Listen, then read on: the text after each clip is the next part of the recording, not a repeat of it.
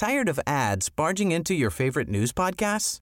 Good news. Ad-free listening is available on Amazon Music for all the music plus top podcasts included with your Prime membership. Stay up to date on everything newsworthy by downloading the Amazon Music app for free or go to amazon.com slash news ad free.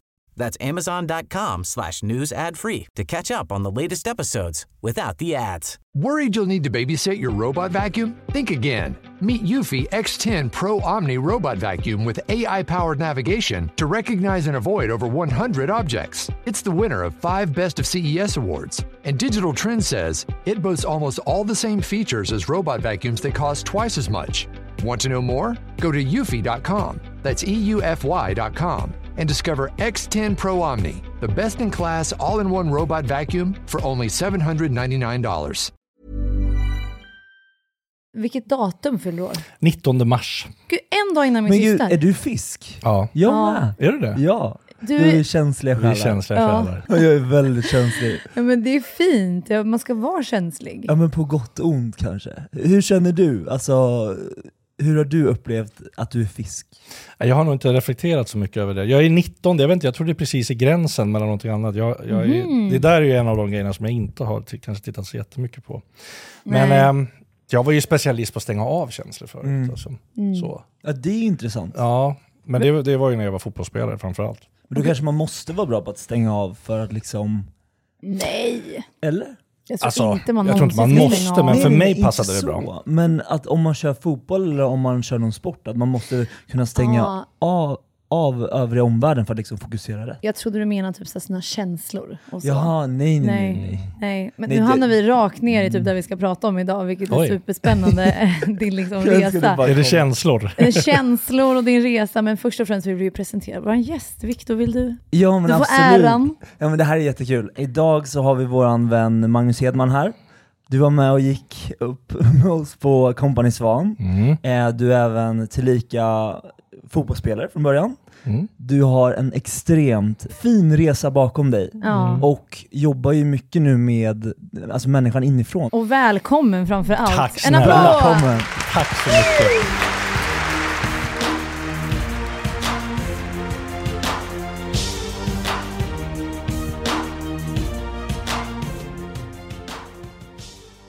Men du jobbar ju idag med just personlig utveckling, coaching, alltså det inre, eller hur? mm. Och du har ju faktiskt varit fotbollsagent också. Ja, alltså jag har gjort väldigt mycket efter min fotbollskarriär. Ja. Jag, det har alltid funnits en hunger hos mig att testa mycket nya grejer och gillat att jobba hårt och sådär. Mm. Löpande under tiden så har jag ju hela tiden utvecklat mig inom beteendevetenskap, terapi, psykologi och så vidare. Mm. Ehm, jobbat med det lite då och då sådär. Men det här är någonting du kan berätta om, för nu vill jag, nu vill jag gräva, nu Mm. vill jag fördjupa mig. Så här, Mm. Vad var du när du var 20 år?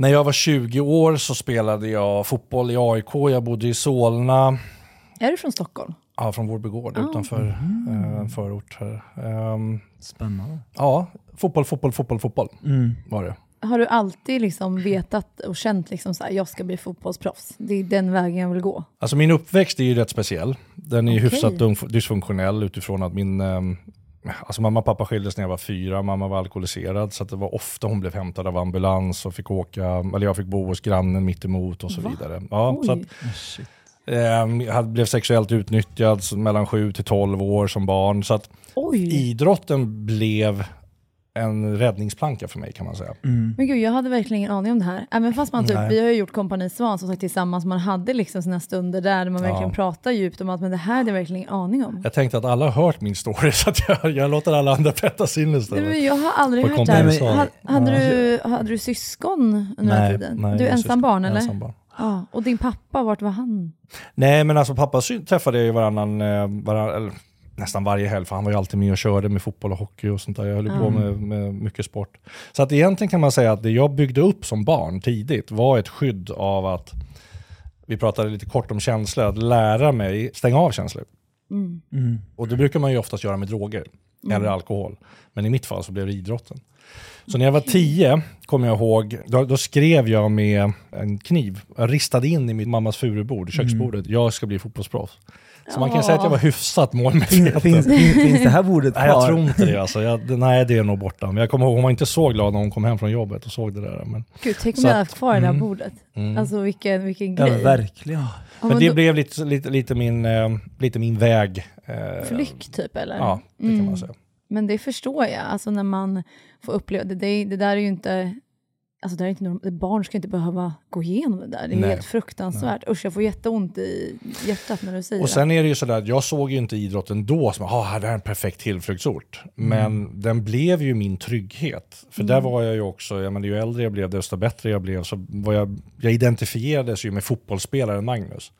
Jag kunde bjuda på de privata sakerna som jag ville bjuda på till media och så vidare. Men, men i övrigt så, så var det ju bara fotbollen. Men jag kommer ihåg när jag spelade hockey, nu spelar jag absolut inte på den nivån som du spelar på, men hela den här grejen med att man hittar en, en laggemenskap. Mm. Och det gjorde också att man kunde stänga ute lite hela, för mig var det skolbiten eller saker som andra saker som var jobbiga. Mm. Men jag gillar det du beskriver, för det blir som att just den här lagandan, eh, och att du, du tränar ju säkert tre, fyra gånger varje vecka, Mm. och så har du match två gånger per helg typ.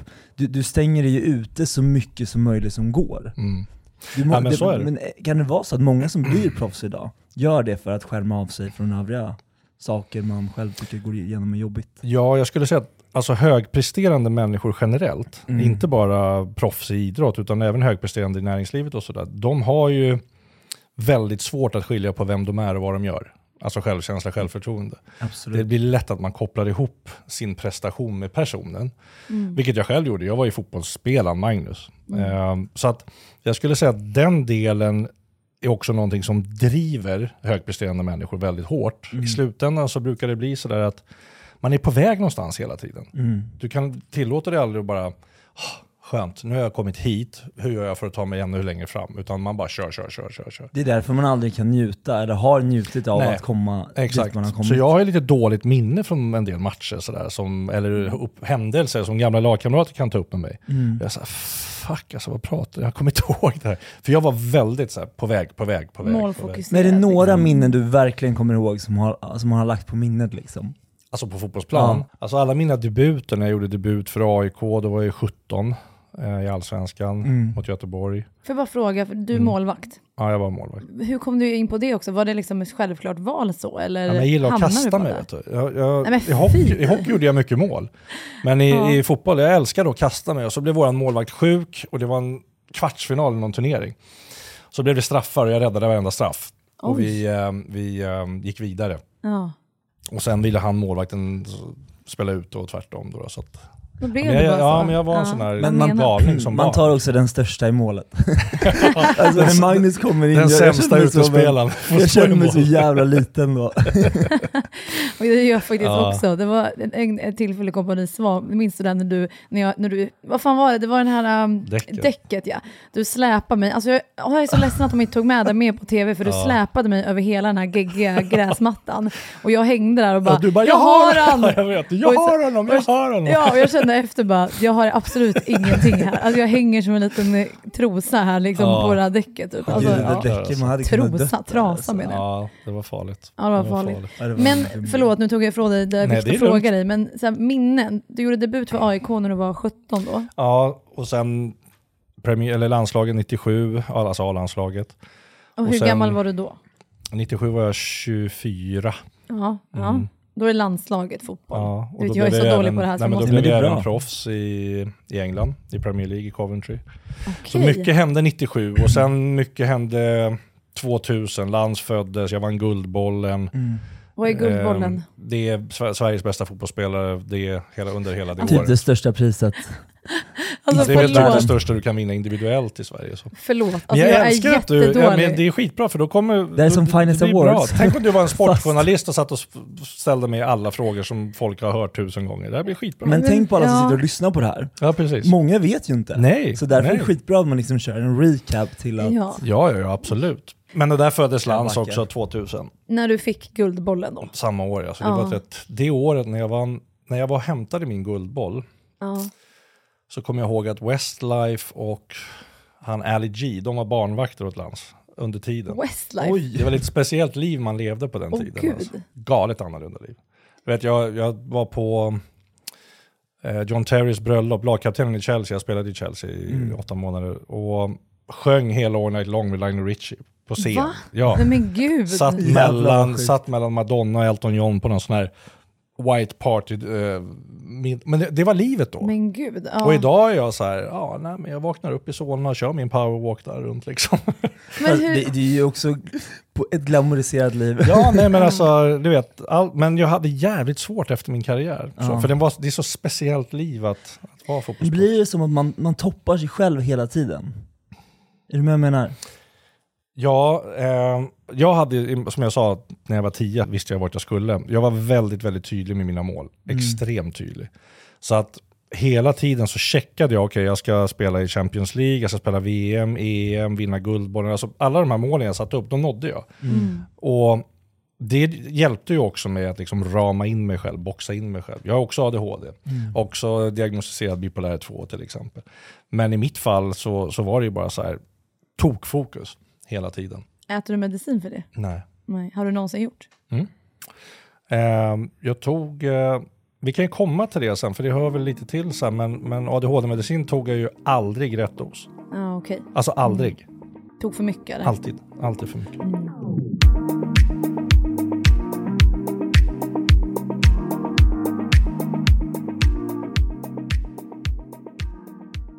jo, just det här du sa att du liksom sitter mellan Madonna och Elton John och idag så vaknar du upp i Solna och går i en PV. Mm.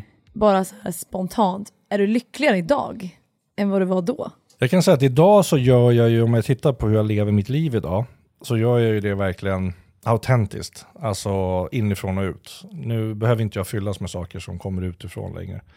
Ehm, vad, jag, vad jag menar med det, det kan vi också komma till, mycket cliffhangers nu. Men, men det, handlar ju, det handlar ju någonstans, för mig om i alla fall, att live my highest purpose. Och för mig tog det väldigt lång tid. Jag trodde att jag levde mitt högsta syfte när jag spelade fotboll.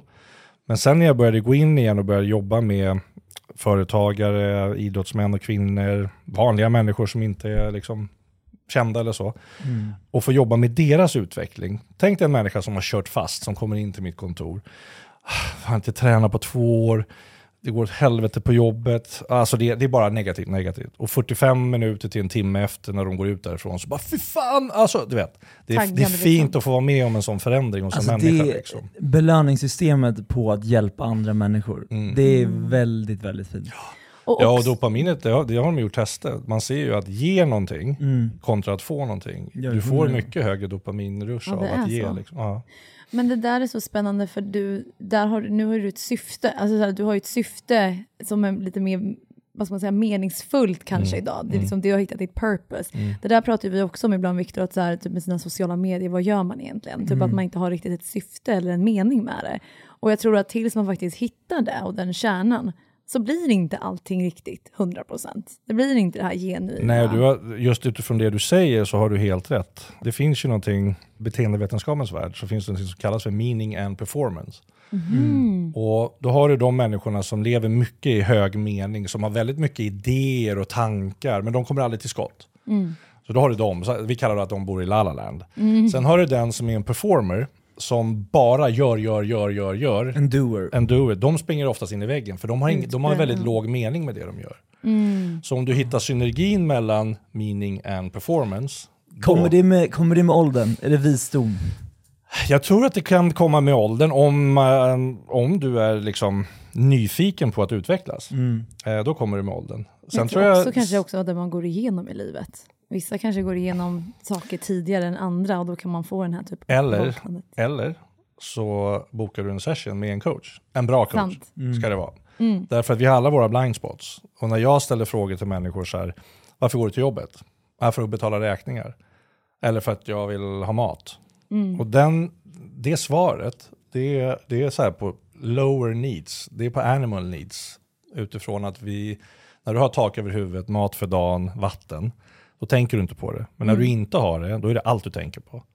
Men om du då tänker, och det här är de här mest basic needs för självförverkligande psykologi.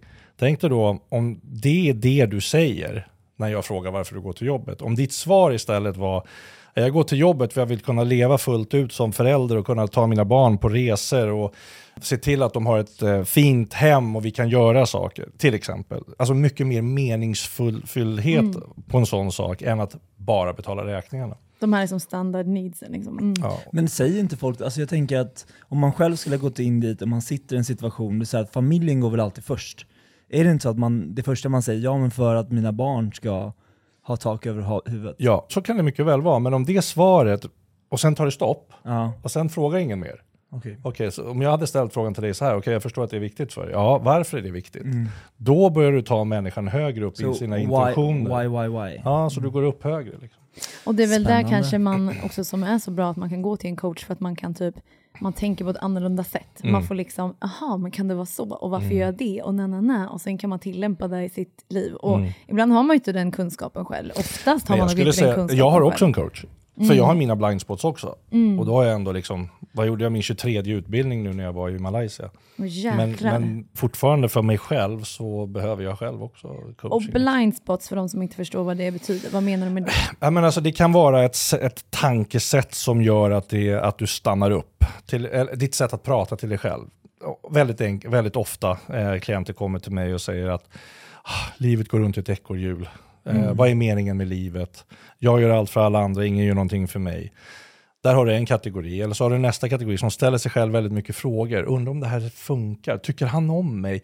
Gillar min chef? Var det där rätt? Så vi ställer oss själva frågor som vi inte får svar på. Och det mm. bygger stress mm. och press när du inte får svar eller klarhet i saker. Så att mm. blindspot skulle jag säga är där våra strukturer, tankestrukturer och mönster hämmar oss i att komma längre på egen hand. Okay. Mm. Så det är att vi har ett visst sätt, ett visst mönster att tänka. Mm. Mitt jobb som coach är ju att hitta ett perspektiv på det här. Till mm. exempel. Mm.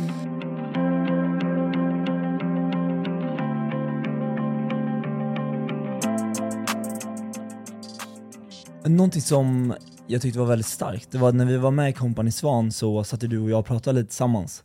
Vi kom fram till att vi båda har bipolär sjukdom, två, och ADHD, både positivt och negativt. Men eh, sen pratade vi väldigt mycket om, om din resa och jag vågar öppna upp mig lite om, om mm. min resa också när det gäller just men substanser och att fly, fly verkligheten och varför man gör det. Mm. Jag kommer ihåg att du sa så mycket starka saker som gjorde att jag själv också vågade öppna upp mig mer om mm. det sen. Så jag mm. vill verkligen tacka dig för det. Mm. Tack, um, fint. Och sen får du jättegärna berätta lite om din egen resa. Det du vill berätta om självklart. Ja, nej men alltså jag, jag har ju pratat mycket om det här. Då. Jag tror att jag har lite annorlunda perspektiv på saker idag dock, eller jag vet att jag har det. Jag var inne på det här med min barndom. Och mm. jag skyller inte min barndom på någonting, men min barndom ger mig svar på vissa saker. Den ger mig svar på varför jag har haft det sjukt svårt att hantera känslor till exempel. För jag har aldrig fått lära mig det. Känslor kunde inte jag visa.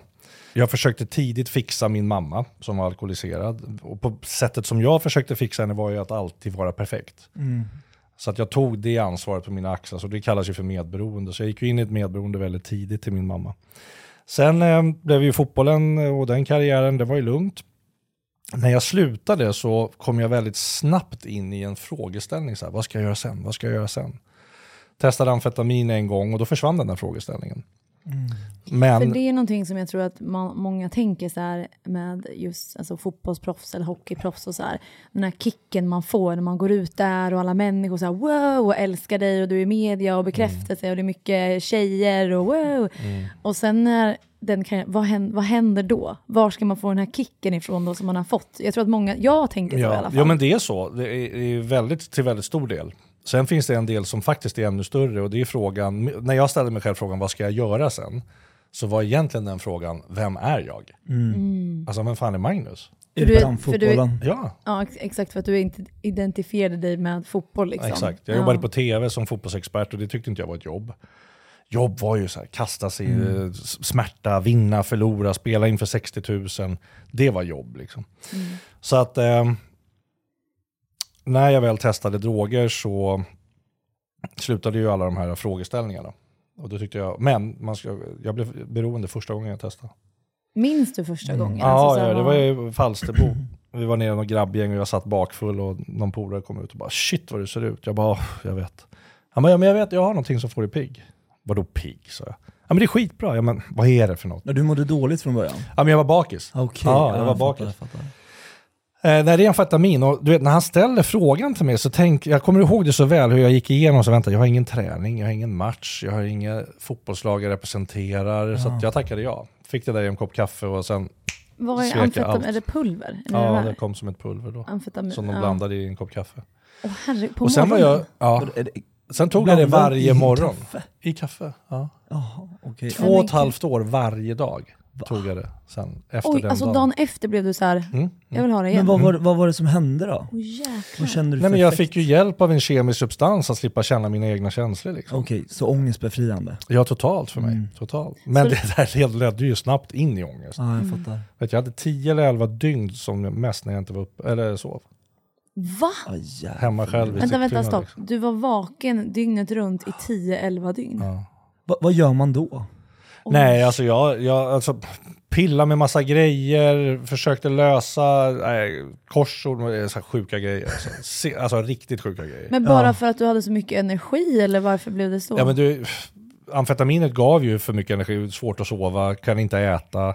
Så till Men- slut låg jag ju liksom i hallucinationer hemma. Och, Nu är jag ju helt med. Alltså amfetamin, det är ju där jag äter mina ADHD... Det är därför du har varit Det vaken är i därför tio jag har varit dagar. vaken nu så länge. Nej, nej men gud, men man äter ju en, en mycket mindre dos eh, Mm. kan jag tänka, och, och blandat med någonting. Jag vet inte exakt vad det är man äter. Men hur, nu måste jag komma in på det här med ADHD-medicin. Var det då du fick din diagnos också eller? Nej, det här var 2008. Sen 2011 så slutade jag ju med droger. Mm. Mm. Ehm, 2013 så fick jag min ADHD-diagnos. Ah, okej. Så du fick det- diagnosen efteråt alltså? Ja, Så i. Mm. Tre år så var den här intensiva perioden när du... först ja. Ja, okej. Först. Ja. Sen, Och hur, sen ADHD-perioden var inte heller bra. Liksom. Förlåt, du skulle säga något. nej men vad, vad, vad hände, alltså under den perioden, vad, vad hände? Hur mådde du? Vad, hade du en relation? Vad, hur, visste Alltså jag och Maggan var ju gifta om- fortfarande. Vi skildes ju sen, eh, 2008, våren där. Alltså 2007 tror jag kanske att jag testade första gången där, som sensommaren. Men vänta, för du var, när gifte du dig? Det är Ma, Magdalena Graf, eller Ja, hur? just det. Vi du- gifte oss ju 2000, Okej, och Mm. ni skilde er, År 2000. 2008, okej. Mm. Och första gången du testade var, 2007. ja okej, så hon var med lite där i början typ? Ja, hon försökte ju hitta hjälp. Men det, är- och det här är ju det tuffa med, med beroendesjukdomen. Att det spelar ingen roll vad du säger eller vad du gör som anhörig. Nej, man måste ju vilja det här Det, själv. ja, och det är ju det som gör den så pass skadad också. Alltså så svår att hantera som nära anhörig eller kompis till det. Mm.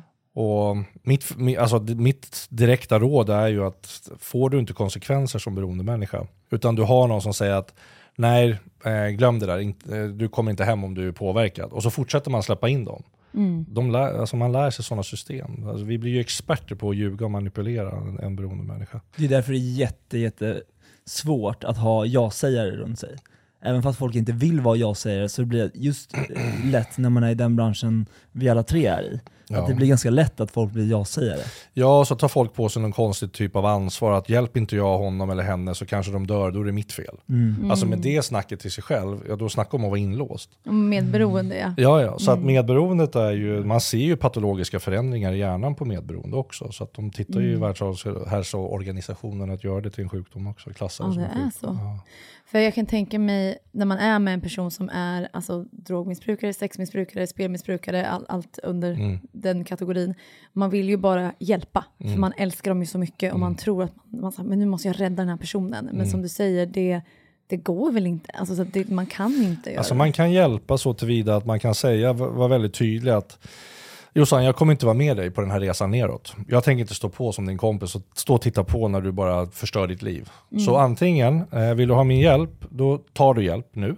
Eh, så kommer jag vara med dig. Eh, och vill du inte ta, med, ta din hjälp så får du komma tillbaka när du gör det. Men det där är också så Och det svårt. där är det svåraste som finns. Men det är också så svårt för när man då ställer sådana ultimatum också och tror på att människan i fråga kommer ta tag i det så har de så många sätt att ljuga och manipulera på så man vet inte om de gör eller vad som är sant. Nej, Alltså, det är exakt. ju jättesvårt. Men det blir en typ av konsekvens. Mm. Och ehm, nej, alltså, och du har helt rätt i det du säger. Kommer aldrig bli någon förändring förrän personen i fråga bestämmer sig. Mm. Och i mitt fall så, alltså jag kan speeda upp det där lite. Två- 2013, sen fick jag ju då diagnosen bipolär 2. Det var 2014. Om du pratar om bipolär 2, Kom den diagnosen utav ett trauma i ditt liv? Alltså att det hände någonting speciellt? Alltså den diagnosen kom, skulle jag säga, felaktigt. Mm. Faktiskt. Jag ska förklara vad jag menar med det.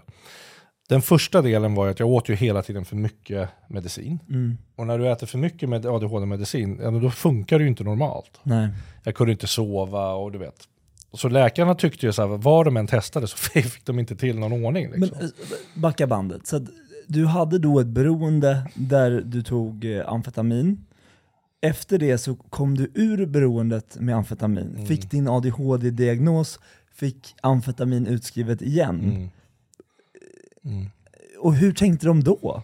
Alltså om de hade Ja, men jag tror att de, vi, pappret nej, jag, de visste inte tror jag att jag hade beroendesjukdomen då. Jag visste inte ens att det fanns något som hette beroendesjukdomen då. Nej. Jag släppte ju en bok 2012 om mitt liv där jag berättade sanningen och det ena med det tredje. Men jag hade ingen aning om att det fanns något som hette beroendesjukdomen. Det var ingen som berättade. Så jag såg ju bara ner på mig själv och tyckte fan vilken loser jag är som inte kan sluta på egen hand. Men, gud. Men mellan 2013 då och 2017 så hade du vad ska man säga, en paus, men du tog ADHD-medicin en mycket. paus men inget bra liv. Nej. Eh, därför att alla kan hålla upp från droger.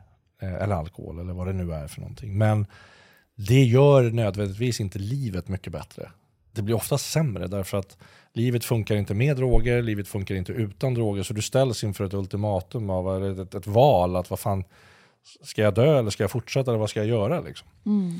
Men sen 2017 så hamnade jag i en återfallsperiod som ledde till rätt allvarliga konsekvenser. Jag satt i november 2017 satt jag på min balkong åtta våningar upp med fötterna utanför och dinglade. Och fick en bra känsla när jag tittade ner. Jag blev helt iskall. Ja, jag kan säga att jag var så jävla rädd när jag satt på balkongen. För att jag ville in, Mm. men någonting höll mig kvar. Jag har aldrig varit med om något liknande. Ehm, men, och jag, kom in, jag vet inte hur länge jag var där ute, men det kändes som rätt länge. Till slut så kom jag i alla fall in. Och då ringde jag Mia Törnblom Mm. som ehm, satte mig i kontakt med en kille som heter Robert Boman. Och två dagar senare, och han kom hem till mig och förklarade hur beroendesjukdomen funkar. Det var första gången du hörde det då. Ja, då, då fan, vänta, han pratar om mig tänkte jag. Och sen dagen efter Wow. åkte jag på behandlingshem.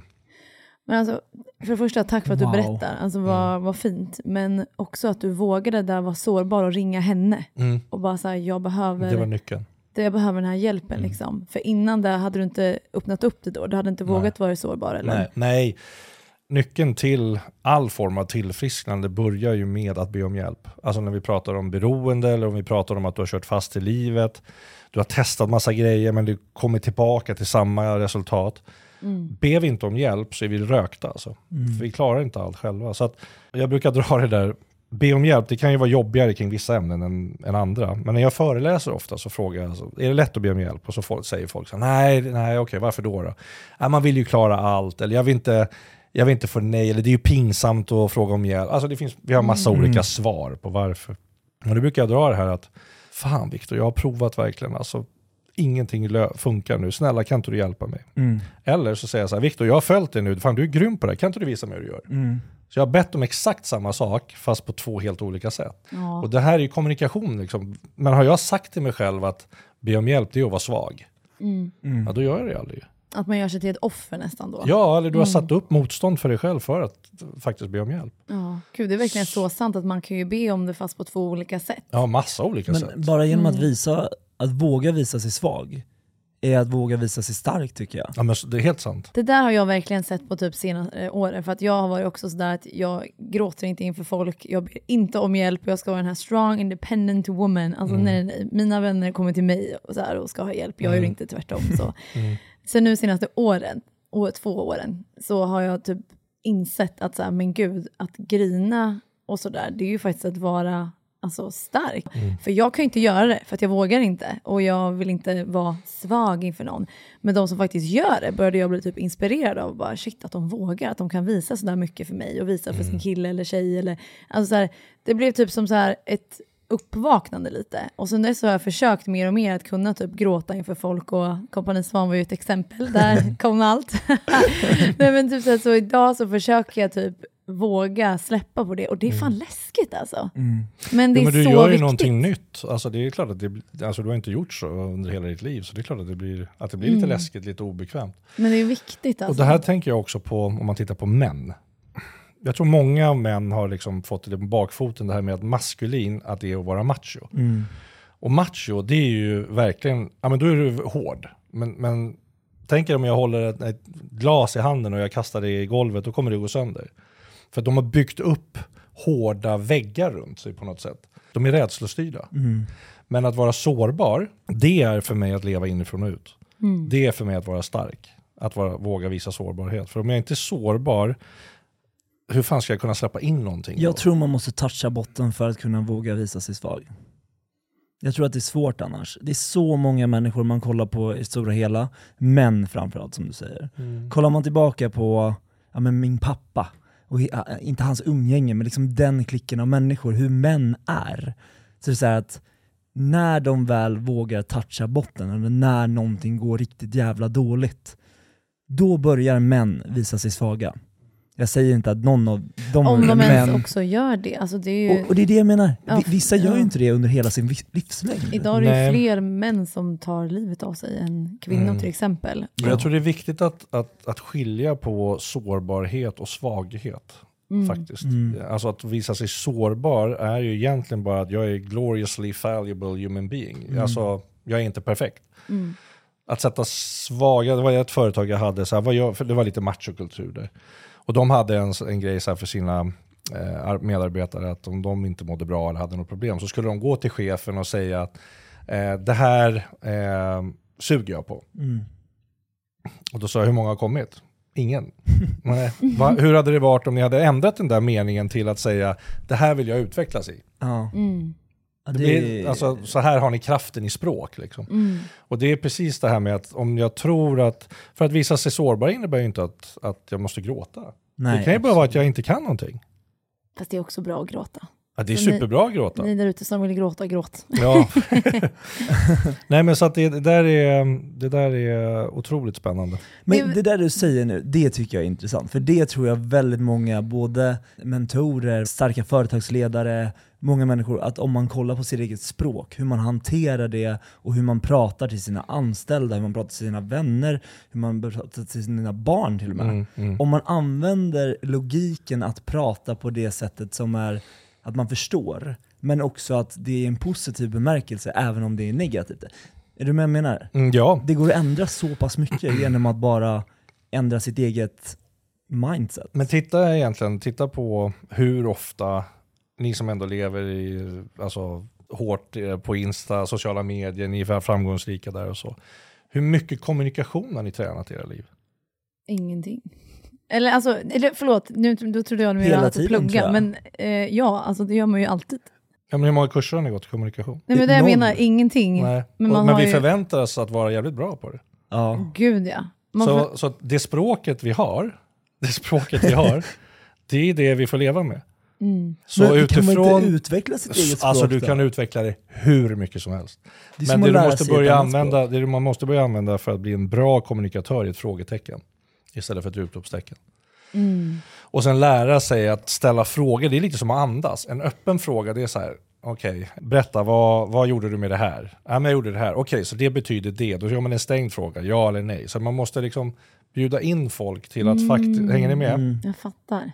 Hela tiden. Som ett forum liksom. Ja, och sen det som också stoppar oss från att nå närmare varandra i samhället, det är att vi ska låtsas förstå. Så om någon säger så här, ja men du vet Jossan, du fattar vad jag menar. Ja, säger du, för du vill, att, du vill vara mig till lags. Men du har inte en aning om vad jag säger. Där är jag tvärtom. Där jag sätter alltid ner bara, nej nu fattar inte jag. Nej, men det är bra. Men de är väldigt få ska jag säga. Ja, väldigt, väldigt det. få. Och det är också ett sätt att våga visa sårbarhet. Att man Men faktiskt det är också säger att man våga inte visa ärlighet. Men det är ju liksom. också så här att, att man kan ju tänka sig att folk bara säger åh nej gud. Men det är ju snarare så att när man väl gör det, så är det många människor bakom som bara, ja jag fattar inte heller riktigt. Nej, Så att- såklart. Ja. För det är ingen som fattar, men folk står där bara, ja. Så det här tycker jag är Men som då tycker det är skönt att du faktiskt vågar säga Exakt. ifrån. Ja. Så de kan också haka på. Kommer, för, på tal om det, kommer ni ihåg Kompani Svan när vi skulle ha den här allmänbildningen? Helt fruktansvärt. Alltså, jag, Ja. jag fick faktiskt sämst. Nej, det var någon under mig. Det var du, Viktor. Ja, du var under mig. Och sen var det jag. Och här sitter vi och ska prata personlig utveckling. Personlig utveckling har ingenting med allmän kompetens att göra. Nej, men det var så här landsfågel i typ, jag vet fan, Ja. skitsamma. Ja, ja, En den var fråga- tricky faktiskt. Men jag kommer ihåg att jag var kollade tricky. på Magnus och han fattade ingenting. Jag bara, okej, det här är lugnt. Det var lugnt. Den enda som kunde nu var typ Harald. Ja, Agneta var bra på det. Agneta var faktiskt också bra. Ja, också bra. Är bra.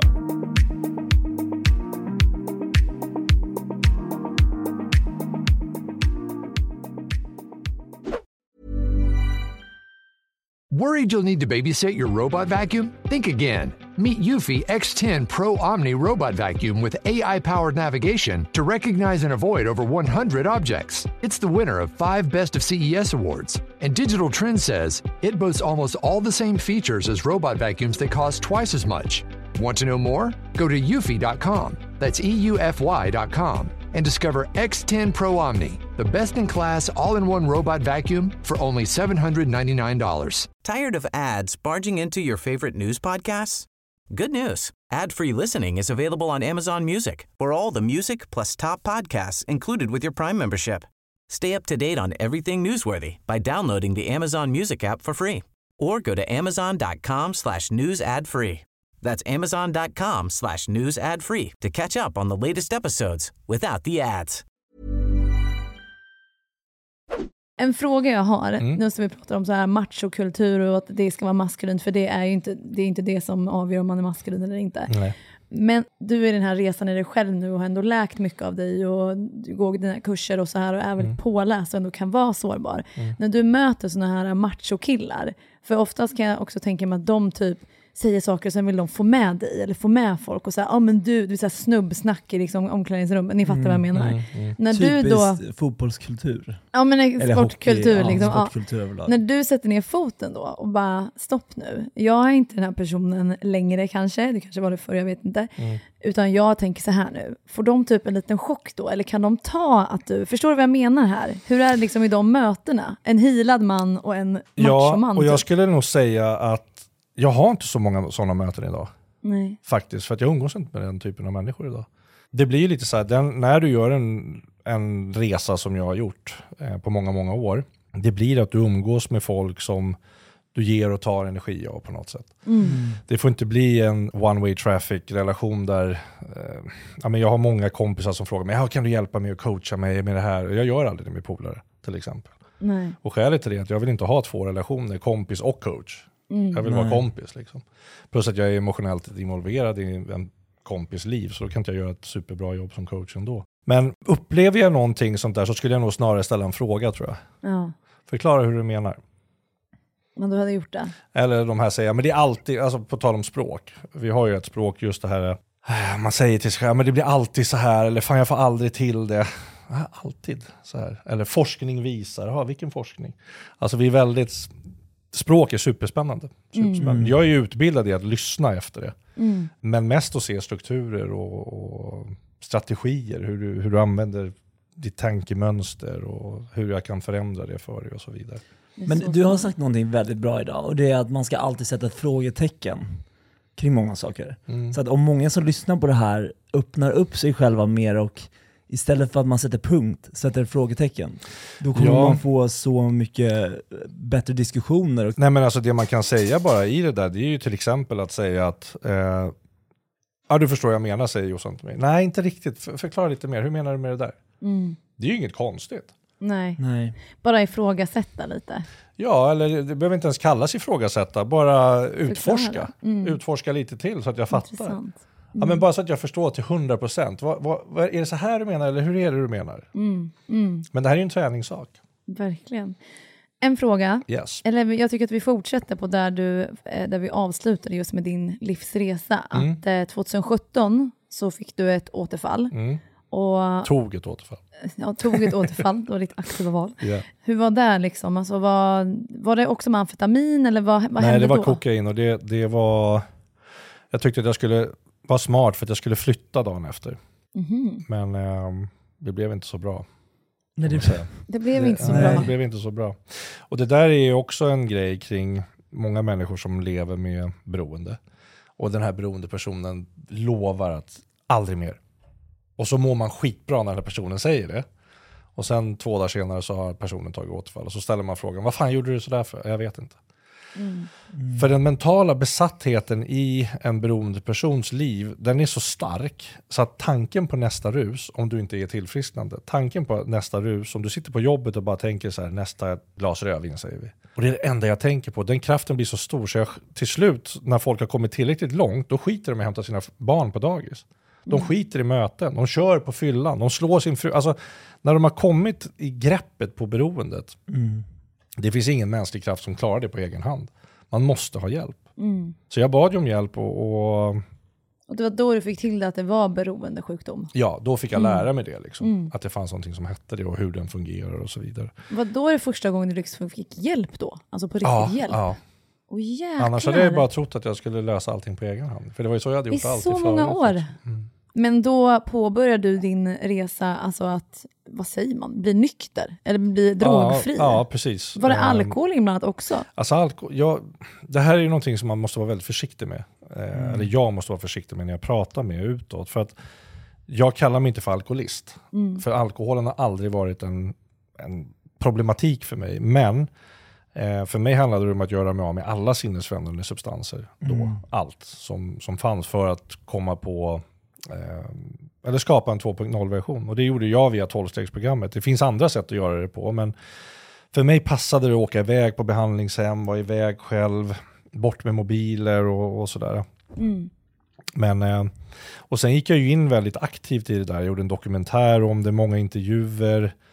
Jag hade en podd med Nemo, eh, Beroendepodden och sådär. Men till Finns den här slut... dokumentären att läsa? Eller, eh, Ja, den finns på, någonstans? Discovery. Andra, sant? andra halvlek heter den. Den här vill jag gå Mm. hem och kolla på. Ja, andra jag halvlek. med. Nu blev jag taggad. Ja, den Men- var rätt cool faktiskt. Den, den blev, blev bra den. Eh, På Discovery. ja, andra halvlek. Får jag bara Coolt. fråga där också, i och med att det blev en så stor grej och media började dra i det, du skulle Mm. intervjuer, det är tv-program, kunde du känna då en press också? Bara shit, nu måste jag vara en point, nu måste jag göra det här. Att det blev, det blev såklart en bra, alltså, bra Det grej. blev ju, men ja, det blev ju lite så. Alltså så här, brist, brist på kraft är vårt dilemma brukar man säga för oss som är beroende. Men man brukar också säga att vårt- det är vårt ego och självcentrering eh, och själviskhet som är roten till våra problem. Och att göra mig av med droger och börja ta tag i livet sådär, det gick rätt bra faktiskt. Men det som var det svåraste, det var bekräftelsebehovet. mm. Mm. Det var det svåraste. Och det gjorde inte jag mig av med förrän i år faktiskt. Är det sant? Ja, jag kan inte säga att jag... Jag har försökt och jag har jobbat med det. Men jag skulle säga att i år så kan jag liksom för första gången säga att nej, eh, idag är det lugnt för mig. Jag behöver inte lägga ut på Instagram eller Facebook eller LinkedIn eller Mm. någonting. Jag behöver Mm. inte få bekräftelse för att känna mig värd någonting. Men det var mycket, mycket tuffare än själva wow. drogerna så? för mig. Ja. Men vad fint att du säger det. Ja, alltså, tack för att du, alltså, du berättar Tack det. för att du delar. Mm. Ja. Ja, men så Wow. den, den var...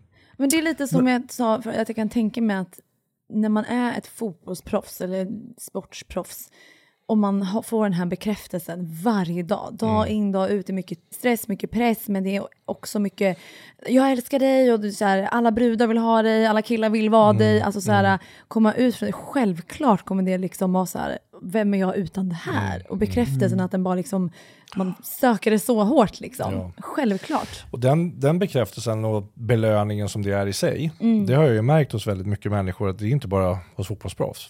Det är ju hos säljare, det är hos jättemycket företagare, hos Mm. jättemycket människor där ute. Att vår relation till andra människor är inte så sund. Och det kommer av att vår relation med oss själva från början är osund. Mm. Det blir som att man ser det sig själv i spegeln. Ja, men det blir, det blir en, eh, en eh, loop av det här som inte är speciellt bra. Alltså. Men jag kan säga, jag har absolut bekräftelsebehov. Ja, men det har vi väl alla, det är väl därför vi Ja. jobbar med det vi jobbar med. Men jag lägger ju inte ut en, alltså så här, eller lägger ut, jag kan lägga ut vad som helst, det är inte så, det är inte så att jag lägger ut en selfie bara för att få, men ändå, alltså så här, får man inte en viss typ av likes eller vad det nu är, det- då blir man ju påverkad. Och typ så här, om man lägger ut det där, jaha det gick inte så bra, kan jag verkligen säga det här, eller vad kommer folk tycka? Alltså så här, det, det är ofta man liksom har sådana tankar, så det är så här, Att man överreflekterar. och det handlar väl alltså generellt, så som du säger, om ens egentligen självkänsla och egna liksom kärlek till sig Ja, själv. och att du har slagit ihop det du gör med den du är. Mm. För att om man är lite rädd för att få kritik, som jag fick kritik för min fotboll, då tog jag ju åt mig det som människa. Då tyckte jag att jag var en dålig människa. Mm. Och det är det här jag menar, att kunna skilja på Jossan och vem personen är som lägger fram det här inlägget. Mm. Men i och med att ni jobbar med er själva som varumärken så är den här ännu mer tricky för er. Det är ju svårt, för man är ju sig själv Ja på sina medier också. Exakt. Men man kanske inte är liksom alltså personligt och privat till Nej, 100%. och då kanske det mer handlar om att hitta ett, ett sunt förhållningssätt till Mm. eh, hur det är. Men oavsett vad man säger till sig själv när det är så här, "Ah, ja men jag vet att det är troll som sitter bakom och bara säger dumma saker. Men det tar ändå någonstans. Ja, det är klart det gör. Det tar ändå någonstans. Jag tror att hitta det förhållningssättet till, precis som du säger, det är ganska svårt. Ja det är svårt och det är jävligt svårt på egen hand också. Nej, men för att klara av det klimatet som är på nätet eller att jobba med det man jobbar. Jag måste nästan åka hem till mina föräldrar en gång varje månad och stänga av telefonen helt. Mm. För att förstå att okej, det, här är, det här är världen på riktigt. Mm. Är ni med jag menar? Mm. För ibland kan man bli så uppslukad av allt som händer, hur man ska uppdatera sina sociala medier. För att samtidigt som att det är ett jobb, så är det samtidigt en livsstil och det går in i varandra. Så jag förstår precis vad du menar. Mm. Och liksom hela den här grejen med att man ganska snabbt och lätt kan försvinna iväg i, i någonting som egentligen inte är, det är bara en illusion. Mm. Hur kom du ur den? Alltså hur känner du så här att okej, men jag, idag behöver jag inte. Fram tills det här året har jag behövt. Varför, hur, Alltså när? jag har, inte, jag har ju hoppats på att jag inte ska ha behövt det Mm. tidigare. Men jag skulle säga att när jag gjorde den här terapiutbildningen, jag åkte till Bali. Mm, det här är det som är intressant. Mm. Jag såg när du la upp en bild att du skulle åka iväg någonstans. Och då berättade du att du skulle åka till Bali. Mm. Vad gjorde du där? Vad var dina förväntningar när du åkte dit versus när du åkte hem? Vad lärde du dig? För det första så åkte jag ju dit själv, semester själv, det är inte så ofta. Men jag hade två utbildningar, en i beteendevetenskap coaching och en i terapi. Michael Holm, han min mentor som jag gör alla mina kurser under, han åkte till Bali. Sen fyllde jag 50, jag skulle träffa shaman, jag skulle uppleva saker, jag skulle meditera, jag skulle göra mycket saker på egen hand. Utan lur, Wow. i, i stillhet, Wow. i tysthet, och, men med naturens kraft med mig. Liksom. Hur länge? Jag var där en månad. Åh, jäklar. Var jag. Alltså, jag Utan bara- telefon en månad? Nej, telefonen var med lite, men inte alls mycket. Alltså. Okej. Det var böcker och um, mycket av det materialet som jag hade pluggat också som jag tog åt mig. Men det är egentligen det det handlade om för mig där, det var att börja leva inifrån och ut. Och det första steget till det är ju att vara sanningsenlig mot sig själv. För att kunna vara sanningsenlig mot andra. Och den sanningen för mig då, det var så här, okej du fyller 50 nu, vad är det största för dig som du absolut vill förändra? Ja, det är att jag vill börja leva inifrån och ut. Jag vill inte vara beroende av andra människors syn, tycke, tänk om mig. För då lägger jag min lycka i andra människors händer. Liksom. Mm. Och jag hade det hela tiden top of mind med allting som jag gjorde. Jag läste en bok som heter Get Real, alltså om hur du blir autentisk. Och ehm, gick mina utbildningar. Och någonting när jag träffade den här shamanen, jag var hos henne i fyra timmar. Någonting hände där. Och jag kan, det kan inte jag sätta fingret på exakt, det här hände. Men det var som att eh, någonting togs bort eh, från mig. Och, och det var okej med att bara vara jag. Liksom. Åh, fint. Mm. Någon slags hon- healing typ, alltså Ja, ut med någon ja. energi som har suttit kvar. Ja. Wow. Men var det som att man kände att det var ett lager som försvann, eller vad var känslan? Jag tror att det handlade om förståelse. Att, att jag, vissa saker klickade för mig när jag var på Bali. Att okej, en del människor de mediterar och går i berg. Vissa människor gör på det här sättet. Jag var tvungen att hitta min. Mm. Min grej. Och för mig det jag har hittat nu det är att jag behöver vidareutveckla mig. Alltså utbilda mig, fortsätta. För det ger mig eh, en ödmjukhet kring att inte kunna allt. Att fortsätta växa som människa. Och att eh, det är bara den här närvaron av just det här med att visa, våga visa mig sårbar, våga leva det livet jag tror på, men med den ärligheten att jag vet att jag kommer liksom slippa upp, jag kanske kommer göra någonting som inte är hundraprocentigt för mig i mitt liv, men jag kan deala med det. Att man är okej med att göra misstag liksom. Ja, för annars blir man perfektionist och då styrs jag av rädslor bara, rädslan av att göra fel eller rädslan av att blotta mig. Så att mer så här att, nej men som jag sa tidigare, gloriously fallible human being. Så, Så lever bra. jag Ja, idag. det här är så Ja. jävla bra. Det är så bra. Och jag tror också så här, att det här är någonting som så många människor kommer ha nytta av som får dig som coach. Ja, men jag hoppas det, för att alltså jag har många klienter och, och många klienter har gått väldigt bra. Mm. Jag har ju en money back guarantee när jag, med mina klienter. Om inte de får den förändringen de vill så får de pengarna tillbaka. Oj, ja, vad bra. Ja, nej men jag vet att de får. Mm. Och det kan låta jävligt kaxigt men Fast det är inte, ska man jobba med sånt så tycker jag att man ska ha den liksom självsäkerheten och tron på sig själv. Att så här, jag kan lösa det här, jag kan hjälpa, för varför Ja. annars ska du jobba? Ja, det är ju som nej, att du vet. chansar då. Liksom. Mm. Nej, jag tycker det är jättebra. Mm. Nej, det. Så att, eh, det är klart att jag växer av att jobba med andra också hela Mm. tiden. Mm. Så länge jag inte glömmer mig själv. Men, men om man ska titta på det här, någonting som, som kan jag skicka med era läsare någonting bra? Mm. Eller era lyssnare? Rädslan Ja. av att göra misstag. Och gud, där är jag också lite så här i också. Ja, vad är rädslan då? Nej men jag vill inte göra fel för att eh, då är jag ju svag. Ah, okej. Det är samma där. Jag vill inte Mm. grina för då är jag svag. Jag vill inte göra misstag för då är jag inte bra nog och då är jag svag för att jag inte kan. Jag vill liksom vara perfekt när det gäller allt. Har du Typ- spelat hockey på is någon gång? Nej, men jag spelar fotboll Men om när du jag var liten. dig, om du ställde dig på en hockeyplan ja, nu, full munderad med hockeyklubba och skulle allting. aldrig göra det. Nej men du skulle göra det och så skulle du försöka göra mål och så missar du mål. Ja, Hade du blivit ledsen då? Hade du tyckt att du var svag då? Nej, men jag hade ju gått av då och bara, gud jag har så ont i foten. Nej. Nej, men jag hade inte ens stått där. Grejen är så här, om jag ska göra någonting, då ska jag vara bra på det redan innan jag gör det. Ja, Annars exakt. tänker jag inte göra det. Typ Och är inte det här spännande när vi pratar utveckling? Mm. Hur ska du kunna utvecklas om du ska vara perfekt i någonting som du aldrig har testat? Nej, men jag vet, jag är ju knäpp i huvudet. Så det är första. Sen andra delen som jag lär alla mina, de flesta av mina klienter, det är ju så här, okej, om vi tänker oss att eh, du gör ett misstag och så kallar du dig själv för fan vad dålig jag är eller vilken idiot eller någonting sånt där. Om du ändrade det till det där och bara sa så här, vad skulle jag gjort istället? Mm. Till exempel om du är fotbollsspelare eller säljare eller någonting. Eller fanns det någonting an annorlunda sätt jag hade kunnat hantera det här på? Alltså analysera mitt... Ställ alltså, dig själv ja. en fråga som är ett perspektiv som ger dig så här, okej, det här funkar inte, vad skulle jag gjort istället? Mm. Eller den här tanken lirar inte, vad, vad kunde jag tänkt annorlunda? Mm. Mm. Istället för att kalla sig själv för jävla idiot och vad dålig jag är och gå ner sig. Så är det mer så här, okej, misstag det hör till, men om du inte vet vart du ska, det här brukar jag säga lite, lite så här för att eh, få folk att haja till. Om du inte har ett mål eller en vision eller en riktning med ditt liv, hur ska du ha problem då? Vänta, om du inte har mål, hur ska du ha problem då? Om du inte vet vart du ska i livet, Ja, var kommer problemen ifrån då? exakt, för då har du inga problem, för du vet ju ändå inte vart du ska. Men du springer runt med en jäkla massa negativa tankar. Gud, det här var ju verkligen en eye-opener. Så jag brukar säga till mina klienter, det är Wow. inte du som är problemet, det är dina tankar som är problemet. Verkligen. Jag ska, det det, det tycker jag också, det är aldrig jag som är problemet, det är det som händer här inne. Ja. Tack för den. Men det där var faktiskt superintressant. Wow, Mm. det där fick mig att verkligen så här, oj, Mm. det är ju så sant. Om du har ett mål Mm. och du vet varför det är viktigt för dig, du vet att, det är verkligen, att du verkligen vill dit Mm. och du vet varför, då skapar du planen för hur du ska ta dig dit. Mm. Sen börjar du göra. Det är ju målet och känslan av att tillåta dig själv att känna den känslan när du är där. Inte bara i jobbet utan även privat, så att du får ihop dem. här. Det är ju det som sen ska ge dig disciplinen. När du inte har hög motivation. Mm. För det har man inte alltid. Men har jag ett jävligt starkt varför och det där betyder något. För, för mig till exempel, jag, jag, jag tränar sex dagar i veckan nu. Varför? Jo, för jag vill leva så länge som möjligt. Jag vill kunna vara den bästa pappan jag kan, jag vill ha fullt med energi, jag vill vara glad, jag vill liksom leva livet.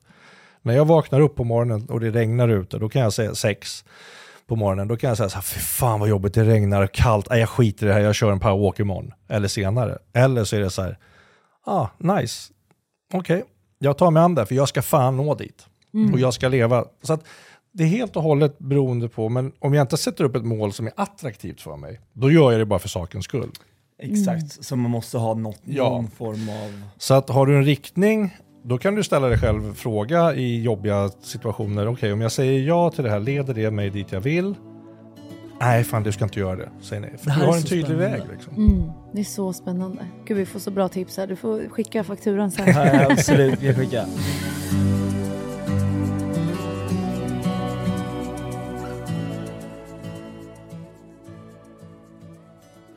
Din resa är ju verkligen, alltså jag tror inte många går igenom det du går igenom. Mm. Från fotbollsproffs, sitter med Madonna, Elton John, alltså... Alltså det här är så jävla inspirerande. Jag Ja. vill, jag vill inte att det här samtalet ska ta Nej, slut. inte jag heller, men att gå liksom, alltså göra allt det här och allt som tillhör det också, media, relationer och sen missbruk och sen komma ut och då är du coach, det är jävligt inspirerande. Alltså det, är, Mm. det är sjukt inspirerande, tack för att du delar. Ja, tack. Och för att liksom göra en slutkläm på det här, Ja, hur mår du idag? Hur känns allting idag när du ser på det här? Alltså jag tycker liksom din resa, det kommer man göra en film av. mm.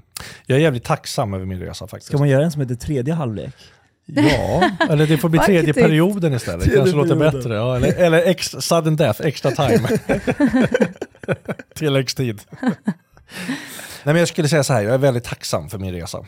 På gott och ont såklart. Det finns saker som jag hade velat haft ogjorda. Men jag vet också att min historia, jag gjorde så gott jag kunde med de verktygen som jag hade hela tiden.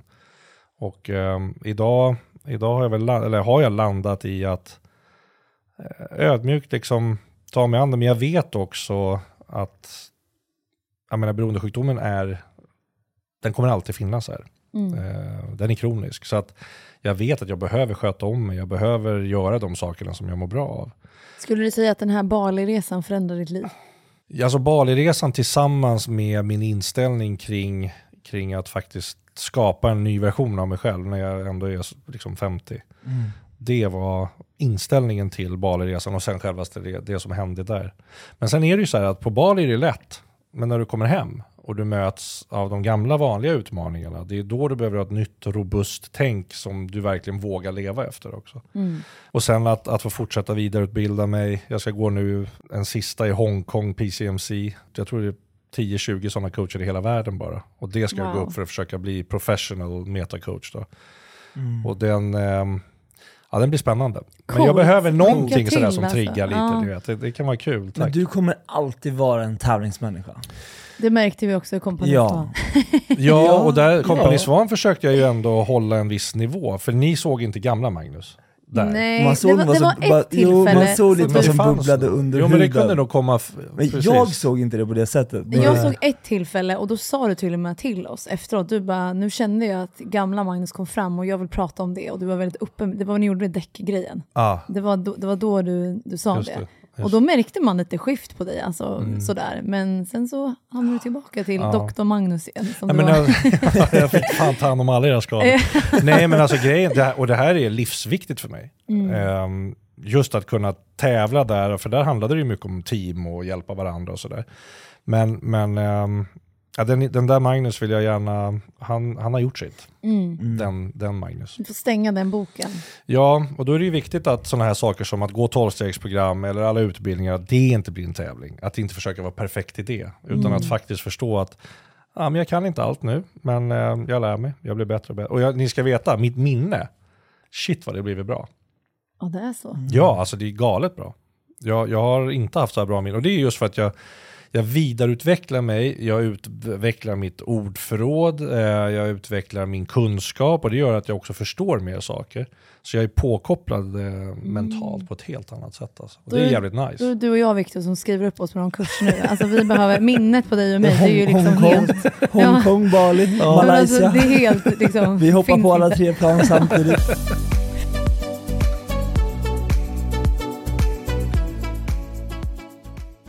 Det här avsnittet blir så jävla bra. Och jag är så glad att du har kommit hit och gästat. Någonting vi också inte har frågat riktigt om, i och med att du pratar om din spirituella resa. Tror du på något sätt att ditt liv har speglats av energier? Tror du att du var mycket negativa energimönster som skulle kunna varit annorlunda om du hade haft de verktygen du har idag redan då? Ja, det tror jag. För att för mig så är energier, frekvenser, alltså det är ju någonting som går runt, runt, runt för min del, hur jag ser på det. Ehm, och den machovärlden som jag har levt har ju gjort att jag aldrig har kunnat vara speciellt spirituell. Jag har inte kunnat tro på mycket mer annat än eh, vad min tränare har sagt och vad mitt huvud har sagt. Och Maggan. Och jag har precis som Maggan. Men jag har aldrig pratat med mitt hjärta riktigt. Och det är ju skillnaden någonstans när man börjar prata med sitt hjärta och faktiskt ta med det i ekvationen. Och det gör du nu. Ja, och det är, det är att, att, att tillåta mig själv att känna. Tillåta mig själv att inte vara perfekt. Och jag tror mycket på det här man brukar prata om att, att hjälpa människor behöver inte innebära att du hjälper dig själv. Men det blir så svart eller vitt för många att ja, men nu ska jag gå in och hjälpa folk, men så glömmer man bort sig själv. Och det är väl det som är grejen i det här, att, att fortsätta leva först och främst för mig själv, men sen kunna vara den bästa pappan, den bästa medmänniskan, den bästa coachen och vad det nu är för något. Och det gör du så Det jävla bra. Jag, ju. då Ja. tror jag på att jag skickar rätt typ av energi.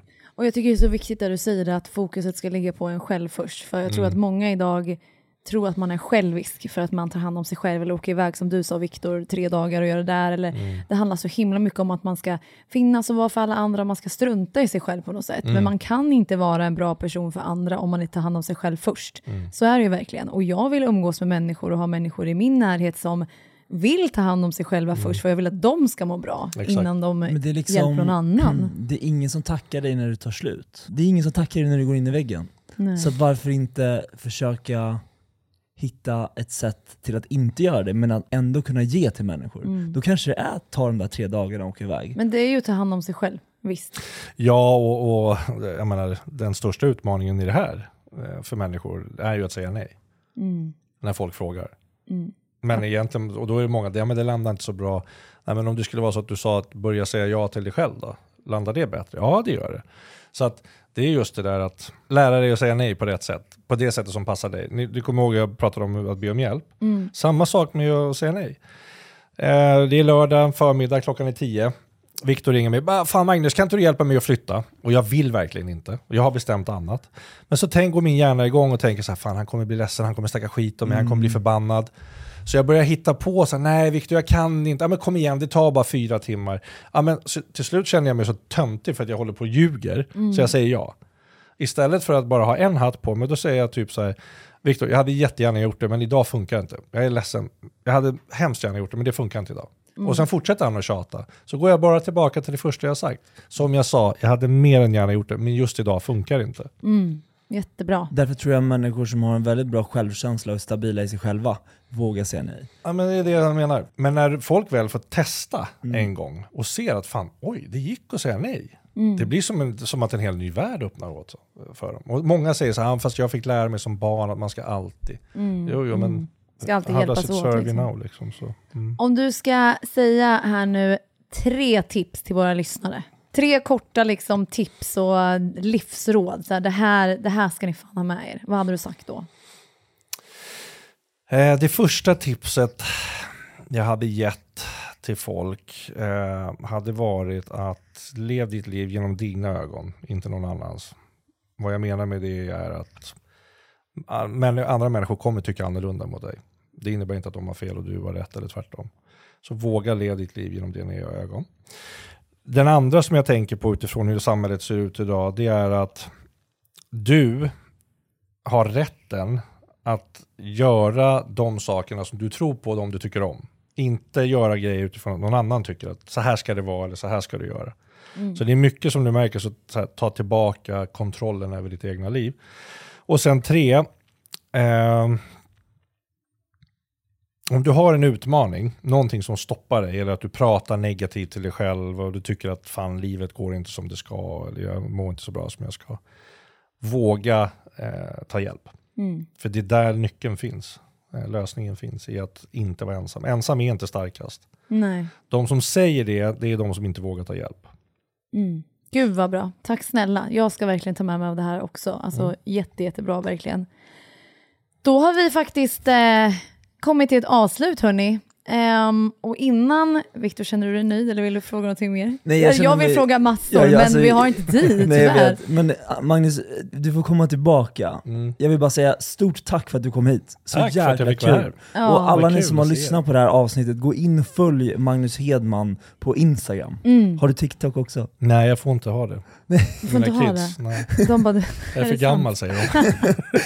Då kanske det ligger något i det. Nej, Ja, det kan göra det. Ja, men tack snälla för att du kom Tack hit själva. Magnus. Och jag hoppas vi kan göra det här igen snart för det här har varit otroligt givande. Jag tror våra lyssnare kommer älska det. Och vi skulle kunna prata om det här i flera Jag känner det. Vi skulle kunna sitta här i flera, flera timmar. Så det blir ett återbesök. Det blir Återbesök. ett återfall. Ja, återfall. Nej, men, Det var jättekul. Ja. men nu tycker jag, nu tycker jag slu- avsluta här med en Westlife-låt. Ja. Den, den här måste ju alla veta.